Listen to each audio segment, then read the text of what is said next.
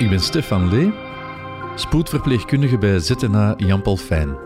Sinds 1998 ontmoet ik elke dag tientallen mensen. Met een mug of op de spoeddienst zelf. Dat zijn in veel gevallen heel intense ontmoetingen. Maar even snel zijn die patiënten weer weg. En achteraf vraag ik me altijd af, hoe zou het nu eigenlijk met hen zijn? Daarom de podcast 112 Verhalen van op Spoed. Een productie van Stef en Wim van Lee in samenwerking met het Nieuwsblad. Waar ik de mensen opnieuw ontmoet weg van sirenes en de geur van het ziekenhuis.